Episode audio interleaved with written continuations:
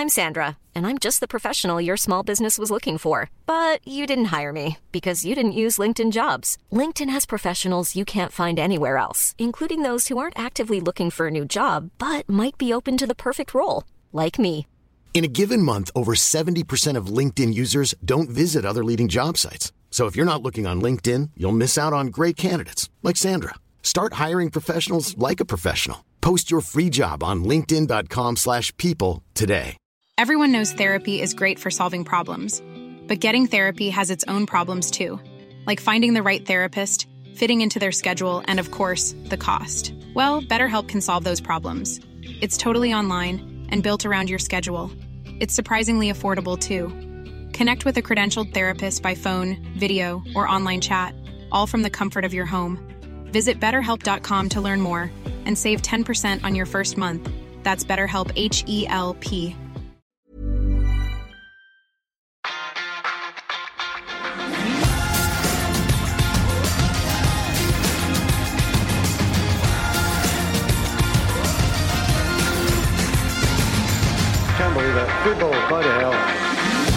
Det er bare å booke flybilletter til Wembley fordi Manchester United har tatt seg videre, og der venter også overkommelig motstand, men eh, Tja, eh, hva skal man si? Manchester United blåste vel ingen av banen i Wales, men de er videre, vinner 4-2, og for å, hva skal vi si, undersøke hele matchen og oppsummere og analysere, så er Eivind Holt der, som vanlig, og ikke minst vår egen eh, ja, husanalytiker.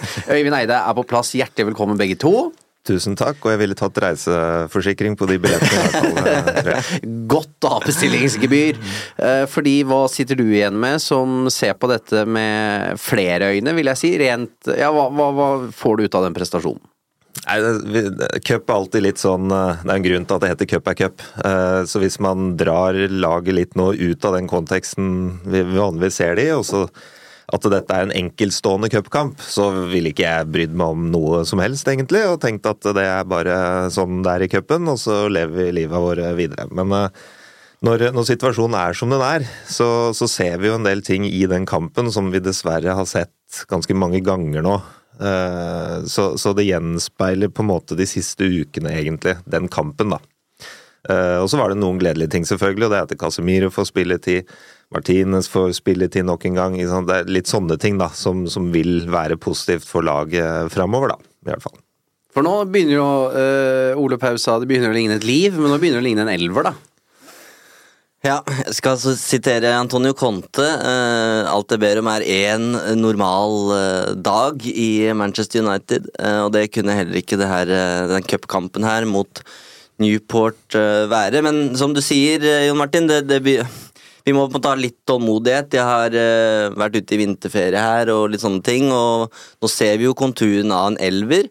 Og så er det spørsmålstegn rundt uh, kanskje den største stjerna her, som vi selvfølgelig kommer inn på etter hvert. men um, det som bekymrer, og som jeg ser i, i innboksen når folk sender inn, inn spørsmål til oss, er jo at United leder her 2-0 etter et kvarter, og det ser altså så komfortabelt ut, både i, i feiringer og kroppsspråk på det tidspunktet, og at et lag som ligger på 84.-plass i fotballpyramiden, skal få lov til å slå tilbake mot Manchester United på den måten og, og gjøre 0-2 til 2-2 det, det er jo grunnen til at vi ikke booker de flybillettene sånn umiddelbart. Deg om det.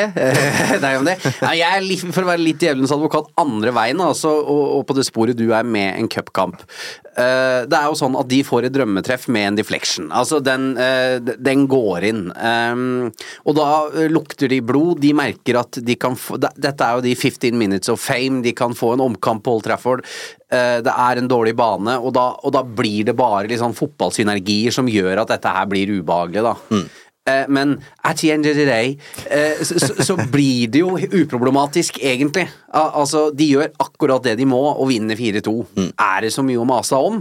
Men det målet du snakker om der, det kommer etter noe vi har sett tidligere i år, og det er det som er utfordringa her. Fordi eh, det er en eh, duell rundt Casemiro, og så lander den ballen da foran backleddet til United. Og hvilke spillere er det som skal være foran backleddet til United? Det er jo andre United-spillere, men det er det ikke. der plukker eh, Newport eh, den ballen ganske komfortabelt, og får da stå på skuddhold.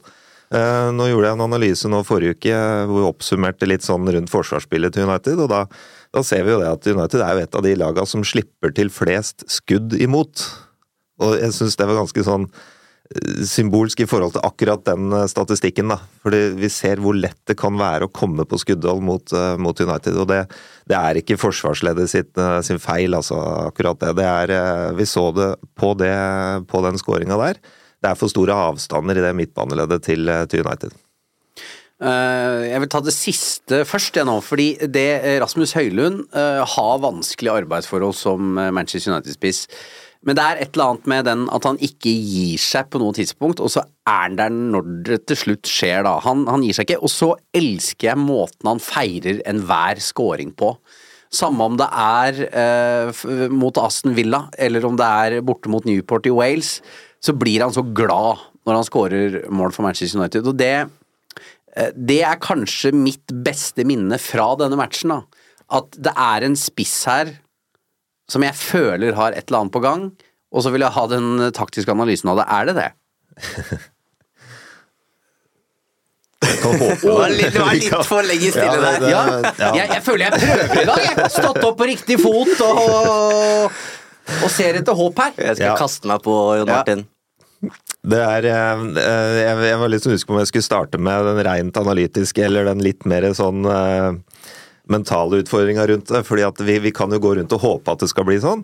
Um, og så ser vi jo han som spilletype, akkurat som du sier. Han er en som kommer til å gi alt han har, hele tida. Og det, det, er veldig bra.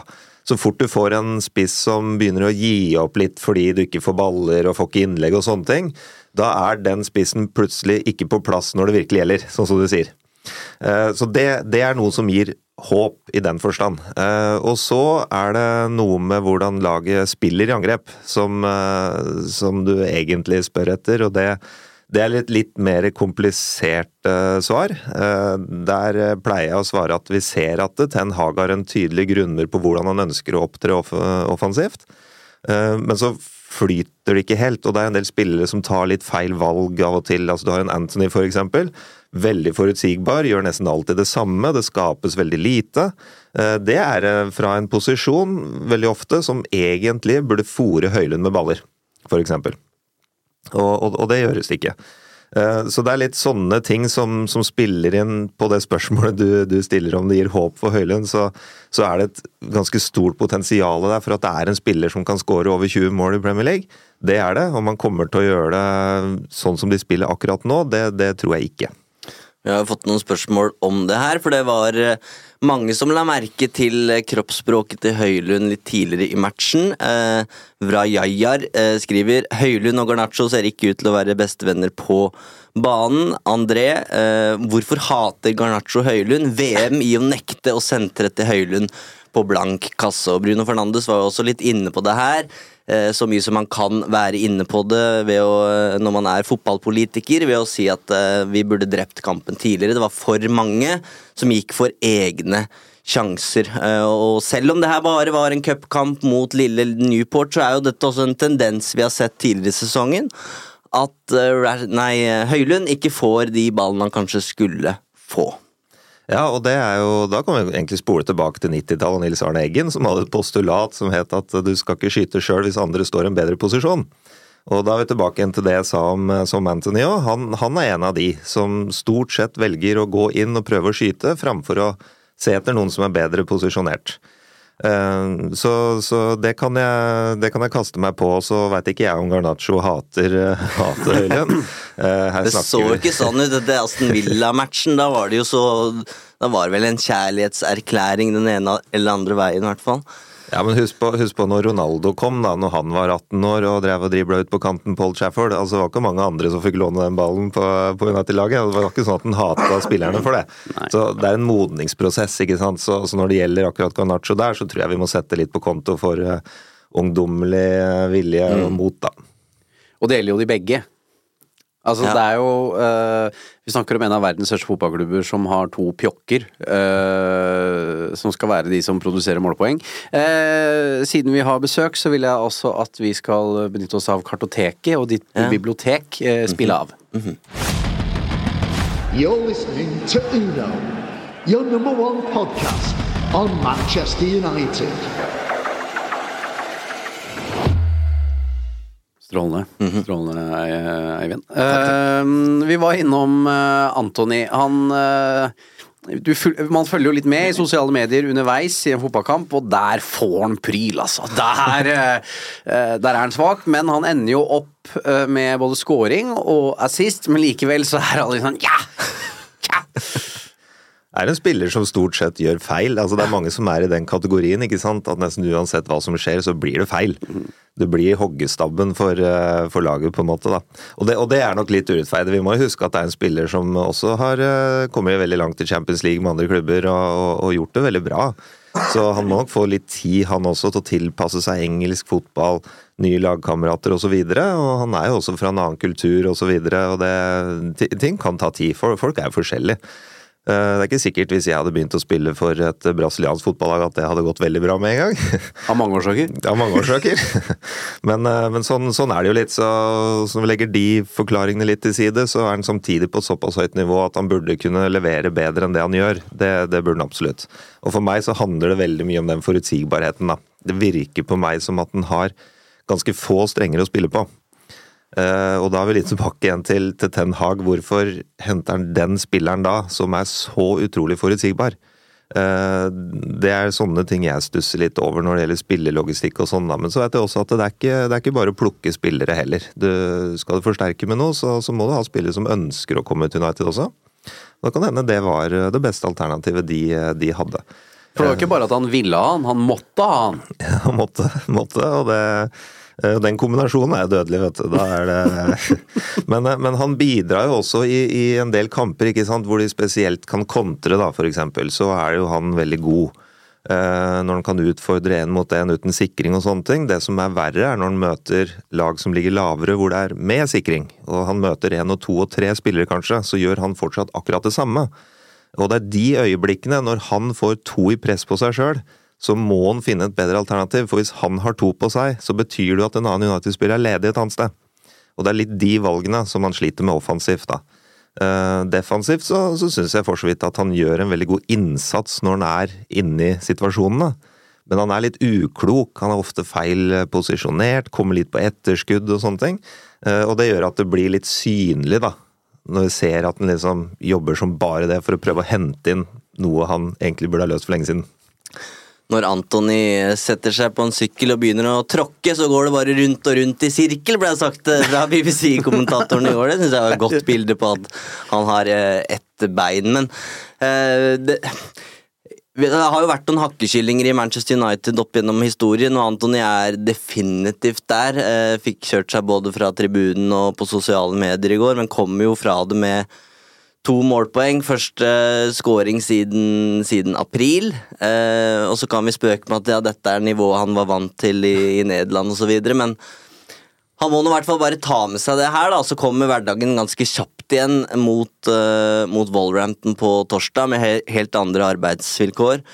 Men uh, ja Men du ser jo hvor letta han er, da. Altså Når han scorer det målet. Nei, ikke spør meg om feiringa der. Nei, nei, ja, nei, nei greit. Uh, hva syns du om feiringa? Eh, ingen kommentar. Men uh, det som på en måte uh, Hvis vi spoler tilbake da, og da han kom altså Ganske ferskt etter at han kom inn, så, så syns jeg du så ganske andre tendenser i det han holdt på med. da Skåringa mot Arsenal, borte mot Everton. Eh, der viste han på en måte eh, Det var litt mer sprut i det han dreiv med, da. For vi skal vel heller ikke undervurdere det faktum at eh, Antony prøver å få det til i et, et totalt kollektiv som ellers ikke fungerer. Det er på en måte, det er veldig få rundt Antony som gjør han god. Eh, og da er spørsmålet er det han fra Ajax som skal dra dette lasset. Ville han vært strålende hvis det var et velfungerende maskineri? Så det er jo Og jeg- Han jeg- blir symbolet her, men er det riktig? Er vel egentlig det jeg prøver å komme fram til, da. Vi snakka jo litt om Nani i den 0910-spesialen, som hadde en hadde litt sånn sjelden kombinasjon av det å være driblefant og, og ha et skikkelig skuddbein. Uh, og i Antony så håpa jeg jo vi skulle få en driblefant som også hadde litt sånn Hva skal jeg si? Hva er det de sier i uh, Brasil og Grinta, er det det det heter?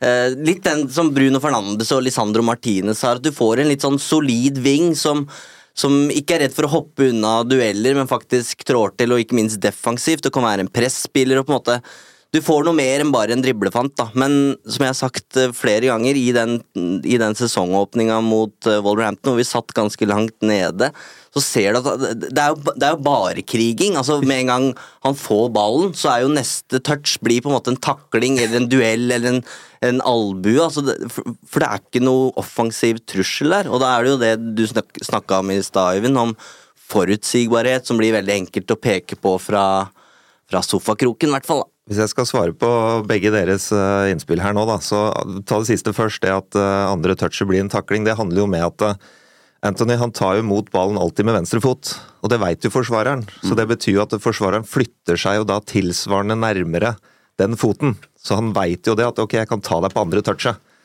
Eh, Så det, er jo én ting. Eh, Det andre da, det er at hvordan kan vi spille Anthony god? Hva er det han trenger for å være veldig god ute på den kanten? Så må vi se det at ok, han bruker høyrefoten kun til å stå på. Det kommer ikke noe innlegg med høyre fot. Så hva trenger man da for at han skal bli sinnssykt rå med sin venstre fot? Eh, Det første er at han ønsker å skyte. Det betyr at da må det skapes rom for at han kan skyte. Han kommer til å gå innover, så da må det komme bevegelser rundt han. Altså både på innside og utside av den forsvareren som er i press. Det betyr at de må jo forholde seg til den bevegelsen, for de kan ikke slippe de bevegelsene gjennom. For hvis Anthony plutselig da skulle spille en pasningen gjennom, så vil det være noen som er aleine gjennom med keeper, f.eks. Det vil skape rom for avslutning. Eh, Og så må det være bevegelse mot bakre stolpe, som gjør at eh, Anthony kan slå innlegg, innlegg som køles litt mot mål. Men i og med at han da spiller på høyre og bruker venstre, så vil jo de ballene veldig ofte køles mot keeper i tillegg. Så det betyr at de må slås litt sånn bort fra mål, på en måte, mot det bake området. Eh, Så en Høylund eksempel må trekke seg lenger unna og bevege seg mot motsatt bekk og bakre stolpe eksempel, så det går an å slå et innlegg dit da. Det er noen sånne måter det går an å tenke for å få mer ut av, eh, ut av Anthony da. Ja. Ja. Hva med å prøve den til venstre, da? Da, da får du flere innlegg i hvert fall. Ja, vi, vi, sa, vi sa, Mye hjørneflagg. Ja, men savner eh, innlegg i boks til Høylund. Og så er det en venstreving vi skal innom eh, om ikke så lenge, eh, som vi ikke er helt sikre på. Men flere er tilbake her, da. Martinez, Casemiro, Shaw, Maguire kommer, eh, kommer på banen. Eh, hva betyr det for, for Erik Den Haag, eh, Øyvind? Og det betyr masse. Det ene er jo at du, du kan gå inn i kamper og glede deg fordi at du ser at du har gode navn på lagoppstillinga. Det er noe annet når du kan eh, skrive Casemiro med store bokstaver, altså, i, eh, på det dommerkortet. Så, så det er jo det ene, selvfølgelig. Og så er er det det med treningsgrunnlaget også. Hvordan treningsopplegget vil se ut når du har de beste på trening. Altså, Du skal jo trene et lag som har mye skader òg. Hva må du gjøre for å få trent det laget? Jo, du må jo fylle innpå med juniorspillere og sånne ting, og da senkes jo kvaliteten. Den daglige treningskvaliteten senkes jo. Og den er også livsviktig for å kunne holde et høyt nok nivå over tid. Så når alle de her kommer tilbake, så betyr det at du kan fjerne de dårligste 10 prosentene kanskje da, fra treningsfeltet, og så får du inn toppene. Og det vil jo løfte treningsarbeidet enormt. Så bare der ligger det også et potensial framover nå, da. De er ute av Europa. Eh, de har FA-cupen å forholde seg til, og Premier League. Eh, de fleste er nå tilbake. Nå nærmer man vel seg at det ikke finnes unnskyldninger.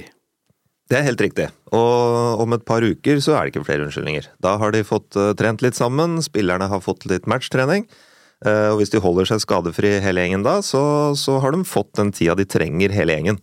Så, så det er helt riktig.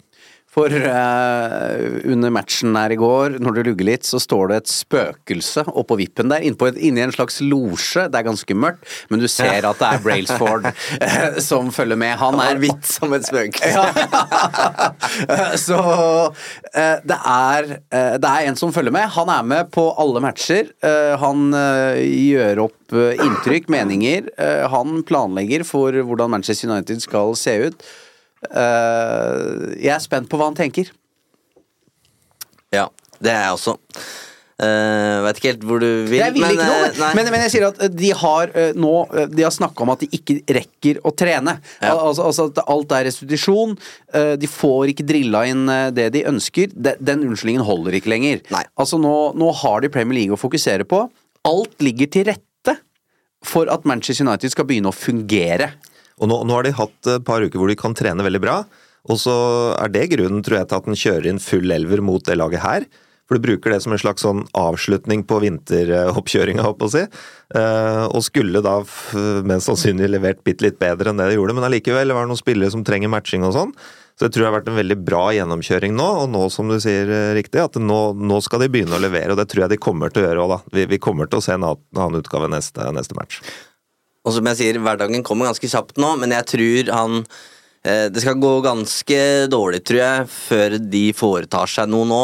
Inios er jo fortsatt ikke godkjent av, Premier League som Manchester United-investor. Og det de jobber mest med nå, er jo det vi har, eh, har sett litt de siste ukene med Omar Berada, og det er flere navn som skal eh, inn her. Så jeg tror ikke de rører Ten Hag, selv om de i, i verste fall hadde ryket ut i går, så, så tror jeg på en måte det er et lengre perspektiv enn det. Jeg tror han sitter uansett Ja, det tror nesten jeg òg. Og så må altså. man nesten gjøre skade på en måte ved å være der, og, og så langt tror jeg aldri det går. Nei, da er vi på det nivået at Steve McLaren er manager ut sesongen, tror Ja, jeg. Rett og slett fordi at uh, da er det totalt anarki Ja. i United uh, og, og spilleropprør. Uh, så jeg, jeg, jeg tror ikke United kommer dit.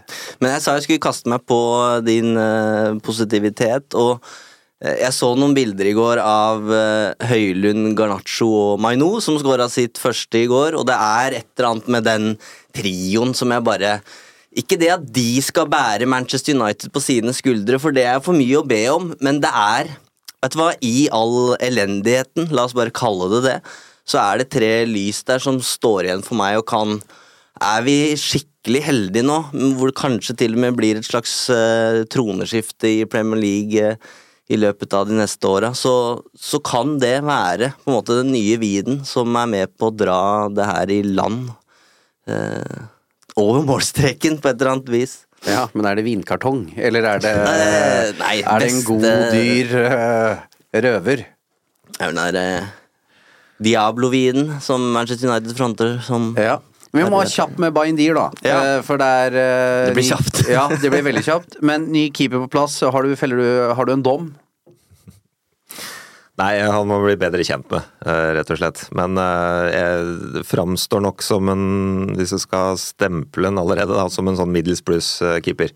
Ikke noe som skal være matchvinner og redde 12-13-14 poeng i løpet av en sesong. Det, det tror jeg ikke. Men jeg, jeg, jeg har bare sett det her. Jeg, jeg kjenner ikke han, altså.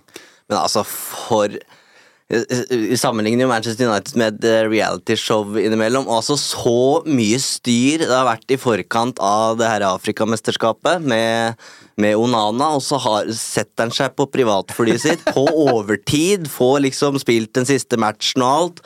Når ikke fram i tide, får ikke spilt den. Slipper inn tre mål mot eh, Senegal på 90 minutter der, og så er han jaggu ute av laget.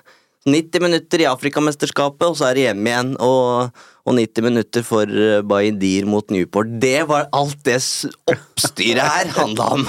Ja. Men jeg syns jo dommen du feller over en eh, reservekeeper, er helt good, det. Er det, ikke, det er jo det han skal være, tenker jeg. Jingle! I have seen a lady who plays the saxophone. Give her Det var uh, Fangal på party, det. Eh, og apropos party, eh, det er en kar som har vært i Belfast eh, og kost seg. Eh, Marcus Rashford han var eh, ikke å se i, eh, United-troppen i går. Eh, han meldte seg syk til trening på fredag. Erik Den Haag ble jo spurt i det vide og det brede om dette her i går, og sier at dette skal vi løse internt. Hiring for your small business? If you're not looking for professionals on LinkedIn, you're looking in the wrong place. That's like looking for your car keys in a fish tank. LinkedIn helps you hire professionals you can't find anywhere else, even those who aren't actively searching for a new job but might be open to the perfect role. In a given month, over 70% of LinkedIn users don't even visit other leading job sites. So start looking in the right place. With LinkedIn, you can hire professionals like a professional. Post your free job on linkedin.com/people slash people today. Everyone knows therapy is great for solving problems, but getting therapy has its own problems too, like finding the right therapist, fitting into their schedule, and of course, the cost. Well, BetterHelp can solve those problems. It's totally online and built around your schedule. It's surprisingly affordable too. Connect with a credentialed therapist by phone, video, or online chat, all from the comfort of your home. Visit betterhelp.com to learn more and save 10% on your first month. That's BetterHelp, H E L P. Denne episoden er sponset av Hello Fresh. Nå som det drar seg mot slutten av en lang sesong, trenger vi United-supportere skikkelig næring. Med gode og ferske råvarer fra Norge gjør Hello Fresh det til en lek å lage de herligste retter fra hele verden. Du velger bare hvor mange som skal spise, og hvor mange oppskrifter du ønsker ukentlig. Så får du alle ingrediensene du trenger, levert på døra. Personlig syns jeg det beste med Hello Fresh er at du kan skreddersy din egen ukesmeny. Du kan velge fra fem forskjellige kategorier. Vegetarisk, familievennlig, rask og enkel, fisk og grønnsaker, og smaker fra hele verden. Med 25 fristende oppskrifter hver uke kan du bli like uforutsigbar på kjøkkenet som Garnaccio er på Vingen. Selv må jeg si jeg er spesielt svak for asiatisk taco og den portugisiske kyllingburgeren. Som Uno-lytter kan du få opptil 1779 kroner rabatt på de seks første matkassene dine, og gratis frakt med første leveranse. Så det er bare å komme seg inn på lowfresh.no og bruke koden FreshUnited. Dette gjelder for de som ikke har prøvd Hello Fresh ennå, og for de som tidligere har vært kunde, men som har stoppet abonnementet for minst tolv måneder siden. Eivind. Three strikes, som det heter i baseball, um, kom jo for seint uh, og blei vraka mot uh, Wolverhampton. Um, og så var det en bursdagsfest etter City som han fikk uh, litt kjeft for, og nå har han også vært ute på byen i Belfast. Og apropos realityshow, da, så jo, har jo den store snakkisen vært om dette var onsdag eller torsdag. Ifølge The Athletics så, så var det begge dagene. Og reiser hjem i sitt privatfly til, til, Manchester og er tilbake i byen til trening fredag morgen, men melder da at han er sjuk. Det videreformidler Ten Hag til MUT-TV eh, i en sånn preview-pakke før Newport-kampen. Eh, før da disse rapportene etter hvert kommer. Og Ten Hag blei jo, som du sier, spurt om det her i det vide og det breie i, i går, Martin. Eh, blei pusha på det eh, før match endte da med å si at det er en internsak, og fikk eh, ja, seks-sju spørsmål på det på pressekonferansen, og, og så spurte til slutt er det noen spørsmål om, om matchen. Eh, det er kritisk, og problemet er jo at det ikke kommer som et sjokk. Det er jo ikke overraskende at Marcus Rashford eh, er ute av disiplinære årsaker. Vi har jo fortalt litt her tidligere om en livsstil som ikke er forenlig med det å skulle levere i, i Manchester United. Eh, og hvor mange ganger skal han få lov til å gå over grensa? Det er jo det spørsmålet Ten Hag nå sitter og grubler over, sannsynligvis. Men jeg, jeg blir ikke klok på fyren. Jeg har ikke han gitt ut uh, bøker og så videre om hvordan du skal nå drømmene dine og litt hva som kreves for det osv.? Nå har ikke jeg lest de, da, men uh, stemmer ikke det? Jo, uh, han hadde jo en enorm høy stjerne i i England som politiker, eh, samtidig som han da spilte fotball for Solskjær. Eh, og kjempa jo veldig for det med skolemåltider i, eh, i, England. Og ga også et bok, som du sier, for, til barn, Øyvind, om det å nå drømmene sine. Um, så det har vært et skifte der. Det er ingen tvil om det. Og det som er skuffende med dette, er jo at Marcus Rashford har jo ikke oppnådd drømmen. Hvis du skjønner hva jeg mener? Ja da. Han, mm. han, han, er en gutt fra, fra Manchester som, som, spiller for laget han vokste opp med og følge og alt det der. Og selvfølgelig kjempekarriere i det, hvis du ser det i det store bildet. Men drømmen er jo ikke nådd. Han har jo ikke leda Manchester United til de store høydene. Han er ikke på toppen av noen kule. Uh, og han har liksom alle forutsetninger til å kunne være det, og da svikte på det helt elementære, når du veit Eh, at du blir, vi har snakka om dette her før, at eh, du blir sett på på en annen måte når du er fra Manchester og spiller for Manchester United. Uh, Liverpool-fansen ser annerledes på Trent Alexander Arnold enn en Robertson på den andre bekken. Altså, det, det forplikter, da. Og hvis ikke du takler det, så må du jo på et eller annet tidspunkt reise et annet sted, hvis ikke dette funker. For du Dette her holder ikke, altså. Altså, dette her er bare Det er bare ræva. Ja, Han forsvinner på en måte ut av min horisont i større og større grad. Nå snakka jeg akkurat om de tre lysa som på en måte er håpet mitt for framtida. Eh, og, og, Rashford er på en måte ikke en skulle, Det skulle vært en kvartett, men for meg så er han ikke det. Og den ene delen av det handler jo om det som skjer på fotballbanen. at vi, Han er ikke til å kjenne igjen der. Og når du i tillegg får eh, det støyet her, som det er på privaten, så er det vanskeligere og vanskeligere å, å liksom argumentere for at Marcus Rashford skal eh, skal være symbolet på den forvandlinga som Manchester United må igjennom. Fordi det holder ikke å bare si at den er fra Manchester til slutt. Det er for tynt. Eh, Da kan de velge noen andre fra, fra Manchester. Altså fordi han, han, han veit eh, Han veit hva, hva vi står i her.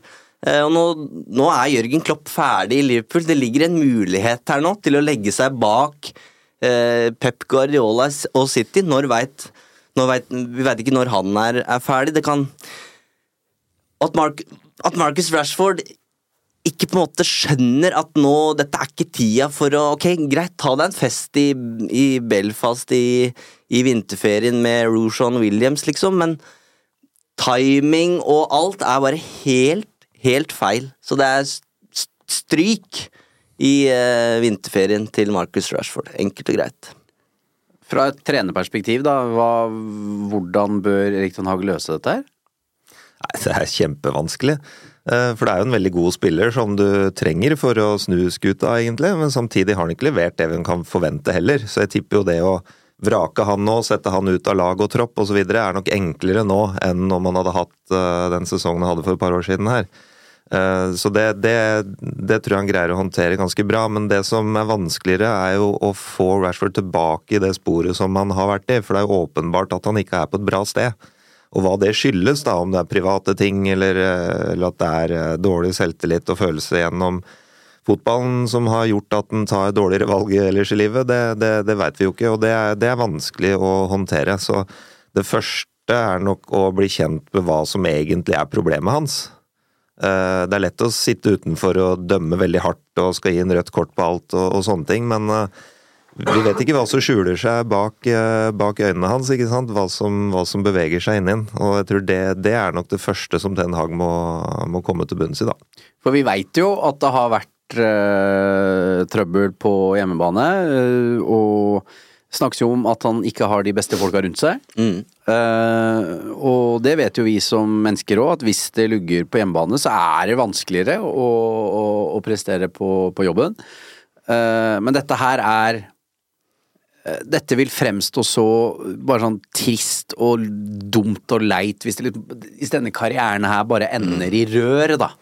Og liksom Ja, ok, kanskje litt tidlig å, å felle en personlighetsbeskrivelse av Marcus Rashford etter de skåringene mot Midtjylland og Arsenal, men, men man så liksom på, på den på den gutten han var, og, og liksom konkluderte med at han her kommer ikke til å fly av gårde. Han har beina planta på jorda. Dette er en så skikkelig fyr.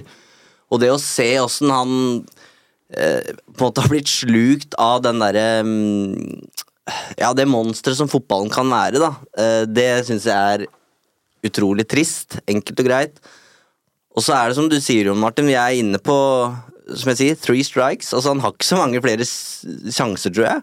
Og, og det som var vippepunktet med Jaden Sancho, som også hadde, hadde trøbla mentalt før, før han reiste til, til Dortmund, og før, før alt det der begynte i høst ehm, Det som gjorde det til, en, til den greia det blei, var jo at han ikke ville ta imot hjelp. Altså Han, han nekta jo på en måte å, å beklage seg eller gå i dialog med Ten Hag.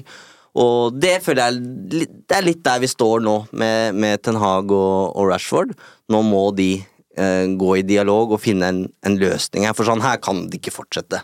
Det sier seg sjøl. Men det er jo tilbakevendende, ikke sant? Altså, det er jo åpenbart en fotballklubb som, som skorter på, på en del ting, og det er jo det Injos eh, kommer inn og prøver å ordne, da.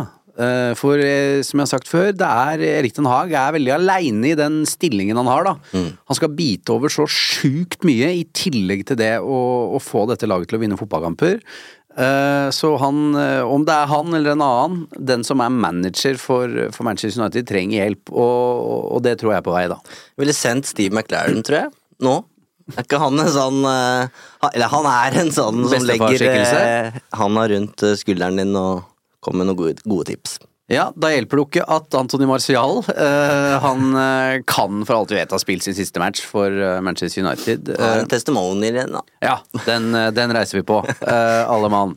Uh, det kommer ikke til å komme noen ny spiss. Personlig så mener jeg at det er greit. Eh, det er ikke Det er ikke så ufattelig mye å spille for denne sesongen. Klart det er ting å spille for, men å bruke penger på en midlertidig Vegårst-løsning nå Nå tenker jeg heller Kom dere til målstreken på mest respektabelt vis og bygge opp uh, i sommer med et godt transfervindu. Ja. Det er nok riktig å spare de pengene der, ja. Blåse på, på en Vegårst eller, eller noe lignende. Eh, Det har jo vært andre, andre inne i bildet her òg, men, eh, men ja, det tror jeg også. Hvis det er et hull i laget, så er det noen av de unge som kan få lov til å fylle det, da, og få verdifull erfaring. fordi at nå, nå er det jo ikke noe tittelrace her uansett, og Champions League er veldig viktig, selvfølgelig, men eh, det tror nok jeg kan være nøkkelen. Og det vil nok kanskje være med å bygge litt kultur også, og få med seg noen av de unggutta også, da. Men nå har han jo vært flink også, da, til å bruke det, syns jeg. Det har han. Jingle. That's football heritage. sa den nylig avgåtte Roma-treneren eh, José eh, Mourinho. Det er noen spørsmål til eh, Mr. Eide her. Vi har fått mange, eh, så jeg skal plukke så godt jeg kan. Vi har fått mange gode også, eh, så takk for det. Vi kan begynne med mm, Gausdal, for å spille litt på det vi akkurat snakka om rundt transfervindu. Eh, Hvor sterk vil du si at United-stallen er per dags dato? Er det tittelkjempere? Nei, men det er topp seks. Ja. Ja, kort og greit. Men eh, jeg, jeg liker jo litt den øvelsen med å identifisere Premier League-vinnere i en stall. Hvem tror du United kan vinne ligaen med av de som er der i dag? Og det er eh, flere, det. Og eh, nå skal jeg kanskje være litt kontroversiell, men jeg tror de kan også vinne ligaen med Onana i mål. Eh, han må bare spille opp på det nivået som han kan spille på. Eh, men de, de, eh, de kan vinne med det stoppeparet som er, med Casemiro på midtbanen, med Høylund som, eh, som spiss. Men de mangler gode nok kanter, og de trenger en ny bekk, og de trenger nok også en god makker for Casemiro. Så det, det mangler mange nok spillere til at de havner en god del poeng bak ligavinneren, da. Men Maino, da, som makker til Casemiro. Er han Ja, god nok nå, eller ser du at mm, her er det fortsatt ting som det må jobbes med? Ikke til det spørsmålet om uh, du stilte om å vinne serien, der er ikke han god nok til det. Um, at han kan bli det over tid, det kan det være. Eh, han gjør veldig mye bra, han gjør fryktelig mye bra. Til å være så ung er han veldig voksen i spillestilen. Hans største utviklingspotensial det er egentlig det offensive spillet etter at han vinner ball. Hvis dere husker Casemiro i de gode periodene, så slår jo han utfattelig gode kontringsballer, ikke sant? Det er litt sånn er undervurdert evne. Ja. Men det er litt sånn undervurdert evne som man ikke tenker Casemiro har, men det har han. Og der er ikke, der er ikke eh, Mayo, da. Han, han spiller veldig ofte til eh, nærmeste spiller, og så er det den spilleren som må ta et valg. Skal vi framover eller bakover? Men da er muligheten brukt. Så i det spillet så, så mangler han litt, og så har han ikke den presise foten for de lengre pasningene enda. Men, men han er 18, han kommer til å utvikle seg på de områdene der, altså.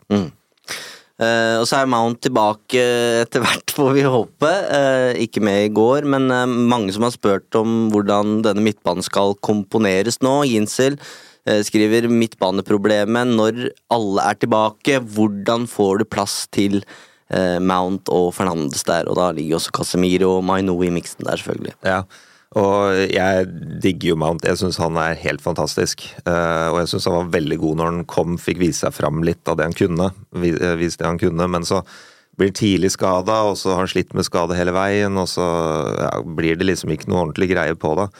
Så spørsmålet er hvilken forfatning han kommer tilbake i nå, hvilken form han er i. Eh, han må jo være i storform, skal inn og spille, da. Eh, Men det, det jeg tror ville vært løsninga når vi også ser at laget mangler kanter, er å bruke Fernandes fra en, eh, fra en kantposisjon, og så bruke Mount da inne sammen med Casemiro og Maino, sånn som det ser ut akkurat nå. Ja. Det tror jeg ville gitt laget ganske eh, mye robusthet midt i banen, og det, og det trenger de. Det er ofte der de taper, taper poeng og slipper inn mål og litt sånne ting.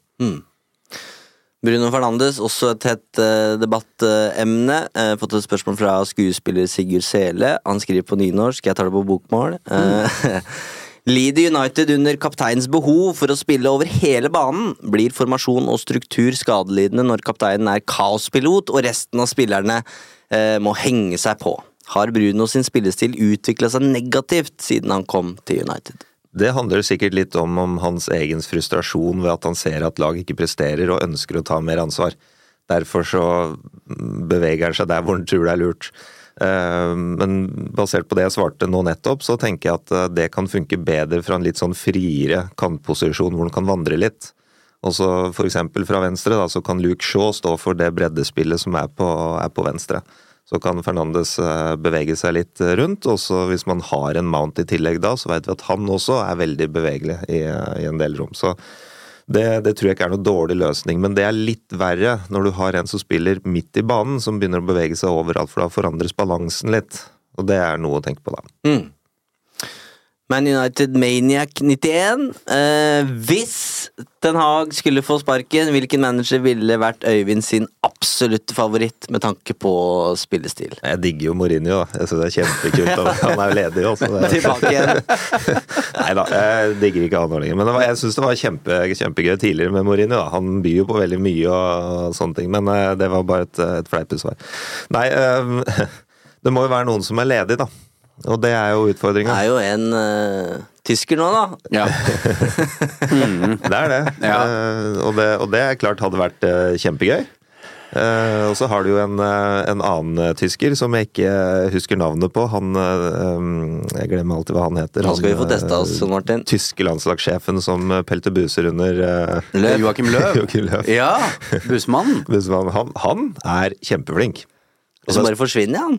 Han ble bare borte, og det er spørsmål om da rett og slett han fikk nok og ikke vil mer. Men, men det er en som jeg har tenkt på, hvorfor blir ikke han dratt inn i en del sammenhenger. Men han har vært landslagssjef i veldig veldig, veldig mange år. Jeg vet ikke hvordan det er for han å stå i det daglige. Det vet ikke jeg, også. Men, men han, eh, han likte jo jeg veldig godt, da. Men hva tenker du når eh, de kandidatene som, som trekkes opp, er Graham Potter, Gareth Southgate, Kieran McKenna, Michael Carrick Jeg glemmer sikkert noen nå, men eh, Ja, men det er, det er ikke sånn, det er ikke sånn du, du får litt den der følelsen av at du blar i en grå avis uten bilder. Det er sånn det, Jeg veit ikke. Jeg, jeg får ikke noe sånn der eh, entusiasme som bobler. Det er flinke folk og dyktige folk på, på hver sine ting og sånn, men det er liksom ikke er det, er det det United trenger? Det må være litt mer sånn eh, personlighet og fargekladder, da.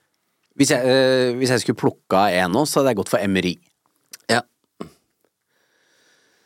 Det mm, er nok den beste kandidaten av, akkurat fordi- av de som er tilgjengelige. for- De det er- Serbi eventuelt. Ja, for, for det er et vanskeligere managermarked nå. Eh, vanskeligere enn på lenge, eh, vil jeg mene.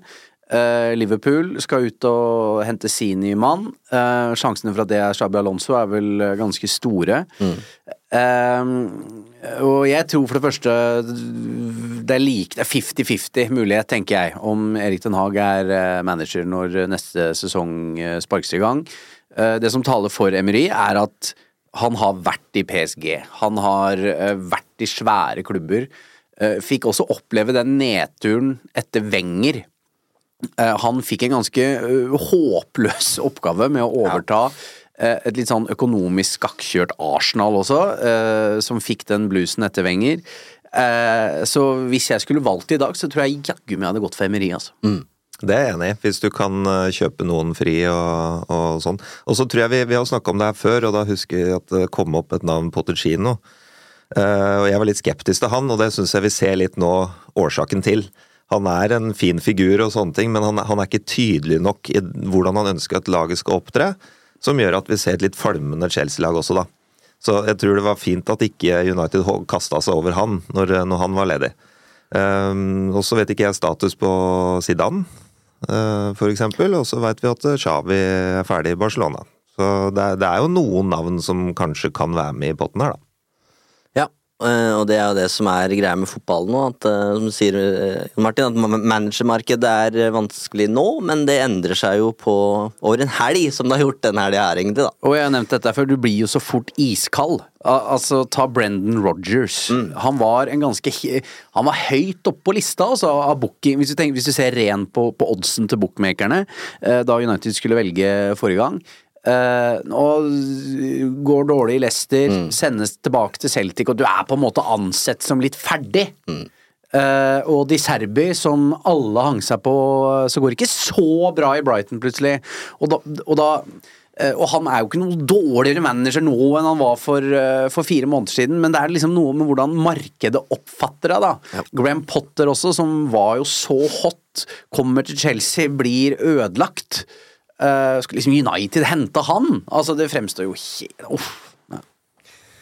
Vi runder av med det største spørsmålet av dem alle. Eh, Er eh, Ten Hag i ferd med å grave sin egen grav rent taktisk, spør Joakim, og fått et langt og velformulert spørsmål fra Jonas, som lurer på hvorfor er det så vanskelig å etablere et godt grunnspill i Manchester United? Hvorfor er det ingen bedring på de der elementære eller grunnleggende områdene? Er det spillere som ikke er trenbare, og i så fall hvordan ender alle ikke trenbare spillere opp i Manchester United.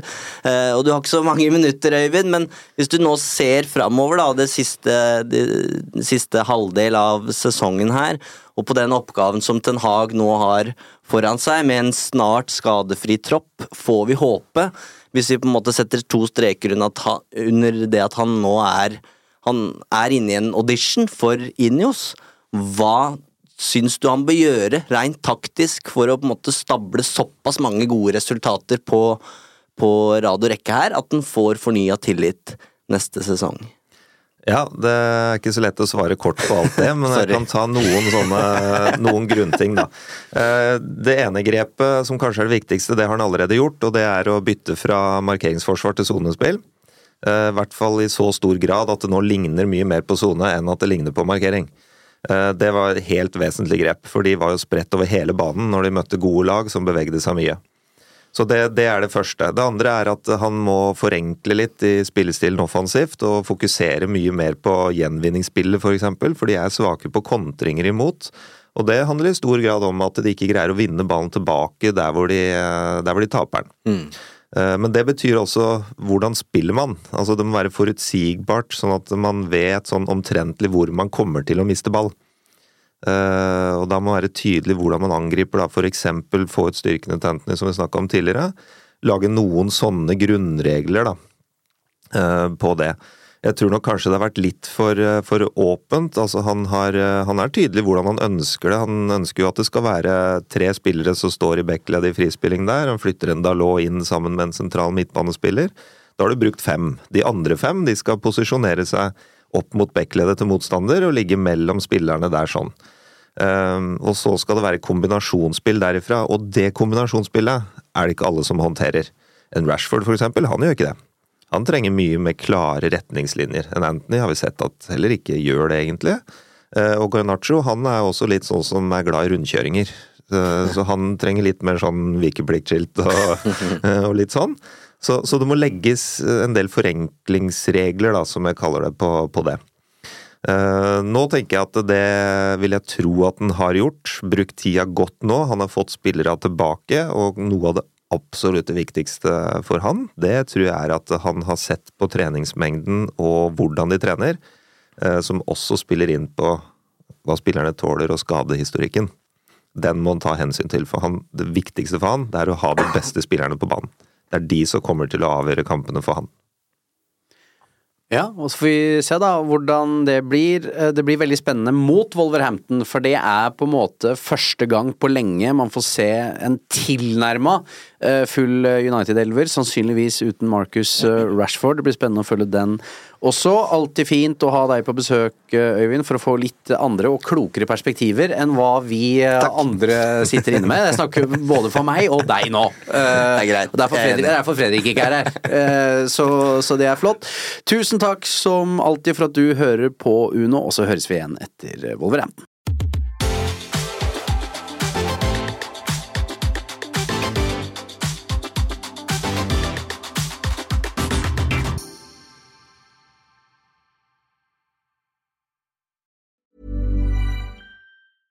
Mom deserves the best, and there's no better place to shop for Mother's Day than Whole Foods Market. They're your destination for unbeatable savings, from premium gifts to show-stopping flowers and irresistible desserts. Start by saving 33% with Prime on all body care and candles. Then get a 15-stem bunch of tulips for just $9.99 each with Prime. Round out Mom's menu with festive rosé, irresistible berry chantilly cake, and more special treats. Come celebrate Mother's Day at Whole Foods Market.